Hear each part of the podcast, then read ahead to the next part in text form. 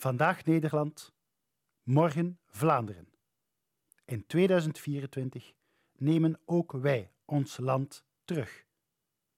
Een podcast door Europees parlementslid Tom van den Driessen. Geert Wilders haalde een ronduit fenomenale overwinning bij de Nederlandse parlementsverkiezingen. Zo'n 25% stemde voor de PVV. Dat leverde 37 zetels op, een verdubbeling bijna. De PVV wordt met afstand veruit de grootste partij. Misschien wordt Wilders zelf wel premier. De liberale en christendemocratische regeringspartijen verliezen bijna de helft van hun zetels en worden compleet afgestraft. Maar het is niet links dat hiervan profiteert. Klimaatpaus Frans Timmermans kwam neergedaald vanuit de Europese Commissie om het land even te komen leiden. Maar van die boer lustte men duidelijk geen eieren. Zijn GroenLinkse kartellijst haalt amper 25 zetels. Het oude politieke spel, waarbij een zogenaamd rechtse regering vervangen wordt door een zogenaamd linkse, maar eigenlijk gewoon hetzelfde beleid gevoerd wordt, waar dezelfde politieke elite aan het touwtje trekt, is helemaal doorbroken. De Nederlanders hebben besloten hun land terug te nemen. Daarom kozen ze massaal voor het enige, echte en authentieke alternatief: het nationalisme van Geert Wilders, waarbij de gewone Nederlanders opnieuw op de eerste plaats komen. En dat was duidelijk helemaal niet de bedoeling. De elite in politiek, media en academia is met verstomming geslagen. Ze begrijpen helemaal niet wat hen overkomen is. Eerder dan te luisteren naar het signaal van de burger, moet er een schuldige gevonden worden voor dit onheil. Het volk heeft volgens hen immers verkeerd gestemd. De mensen hadden het dus niet zo goed begrepen. Ze moeten dus volgens hen wel misleid zijn. Als academici vermomde, extreemlinkse activisten zoals Iko Mali wijzen met de vinger naar de media. Zij hadden Wilders moeten ontmaskeren, beweert hij. De diepe minachting voor het volk en de antidemocratische methoden die ze als remedie voorstellen, spreekt boekdelen. Links wil helemaal geen democratie. Links wil dat het volk willoos instemt met hun keuze. Anderen beweren dan weer dat het thema van de verkiezingen in de kaart van Wilders speelde. De liberale VVD had immers de regering laten vallen over asiel en migratie. Het deed volgens Vlaamse commentatoren zelfs denken aan de val van de regering Michel in 2018 over het Marrakesh-pact. Zij vergeten natuurlijk handig dat migratie al jaren helemaal bovenaan de prioriteiten staat bij gewone mensen. Bovendien probeerde men niet van migratie, maar wel van bestaanszekerheid het campagnethema te maken. Net zoals men dat met klimaat bij ons in 2019 probeerde. Ook dat werkte duidelijk niet. Ten slotte beweren sommigen dat door Wilders niet per definitie uit te sluiten met een ondemocratisch cordon sanitair, een stem op zijn PVV plots wel zinvol werd.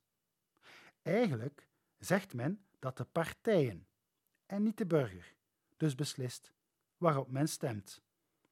Kan het nog cynischer zijn, vanwege zij die tegelijk menen de verdedigers van de democratie te zijn. Wat zijn dan wel de redenen van deze spectaculaire resultaten? De voorbije dertien jaar is onder liberaal premier Rutte een beleid gevoerd dat heel erg bekend klinkt voor ons. De rekeningen werden op orde gezet. Nederland heeft een schuldgraad van amper 47 procent. Nederlanders hebben met 83 procent ook de hoogste werkzaamheidsgraad van heel de Europese Unie. De economie draait met andere woorden op volle toeren in Nederland. Zodanig zelfs dat honderdduizenden vacatures niet ingevuld geraken. Arbeidsmigratie was daarop het antwoord van de regering Rutte.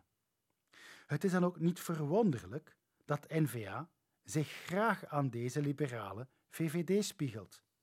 Ze voeren immers precies hetzelfde beleid.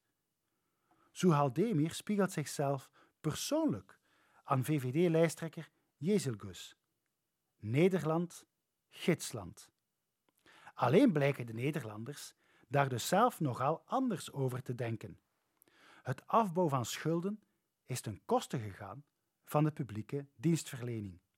En dat ervaarden ze in wachtlijsten en gebrek aan zorg. Nederlanders werken keihard, maar gaan er toch amper op vooruit. Hun land wordt overspoeld door arbeidsmigranten, met alle negatieve gevolgen van dien op huisvesting, mobiliteit, zorg, onderwijs en ga zo maar door. Het neoliberaal beleid van Rutte werkt misschien voor een kleine elite, maar gewone Nederlanders betalen er de prijs voor. En die gewone Nederlanders voelen zich in de steek gelaten. Ze hebben geen boodschap aan woke en het vernietigen van mooie kindertradities als Sinterklaas en Zwarte Piet. Ze hebben geen boodschap aan klimaatextremisme dat boeren onteigent en gewone mensen op kosten jaagt. En ze hebben vooral geen boodschap aan migratie in een land dat er simpelweg de ruimte voor mist om nog meer mensen te huisvesten. Ze willen hun land terug. En met deze verkiezingen nemen ze het ook terug. Welke lessen kunnen we trekken voor Vlaanderen? Ten eerste, de neoliberale economische doctrine van NVA, gebouwd op besparing en arbeidsmigratie, is ten dode opgeschreven en wordt electoraal afgestraft. Ten tweede, migratie is een existentieel probleem voor diepe lagen van de samenleving. Migratie stoppen is een topprioriteit. Ten derde, de kiezer heeft wel degelijk nog altijd de macht bij verkiezingen. Enkel de kiezer kan ook bij ons het ondemocratisch cordon sanitair breken.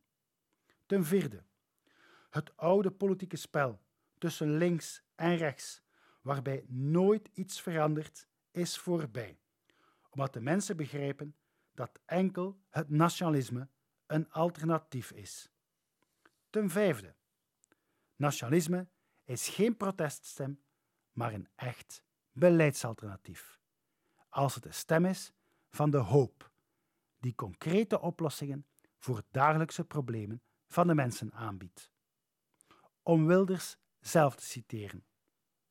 We gaan niet praten over moskeeën, Korans en islamitische scholen. Niet alle ballen op de wedstrijd tegen de islam.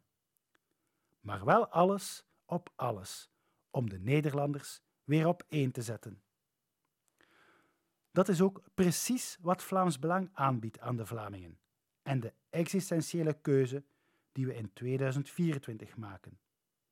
Meer van hetzelfde met één van die andere partijen. Of eindelijk verandering met Vlaams Belang, zodat onze mensen eindelijk op de eerste plaats komen. Zelfs wie het niet helemaal eens met ons is, komt onvermijdelijk tot die fundamentele vraag in het stemhokje. Daarom nemen ook wij in 2024 ons land terug.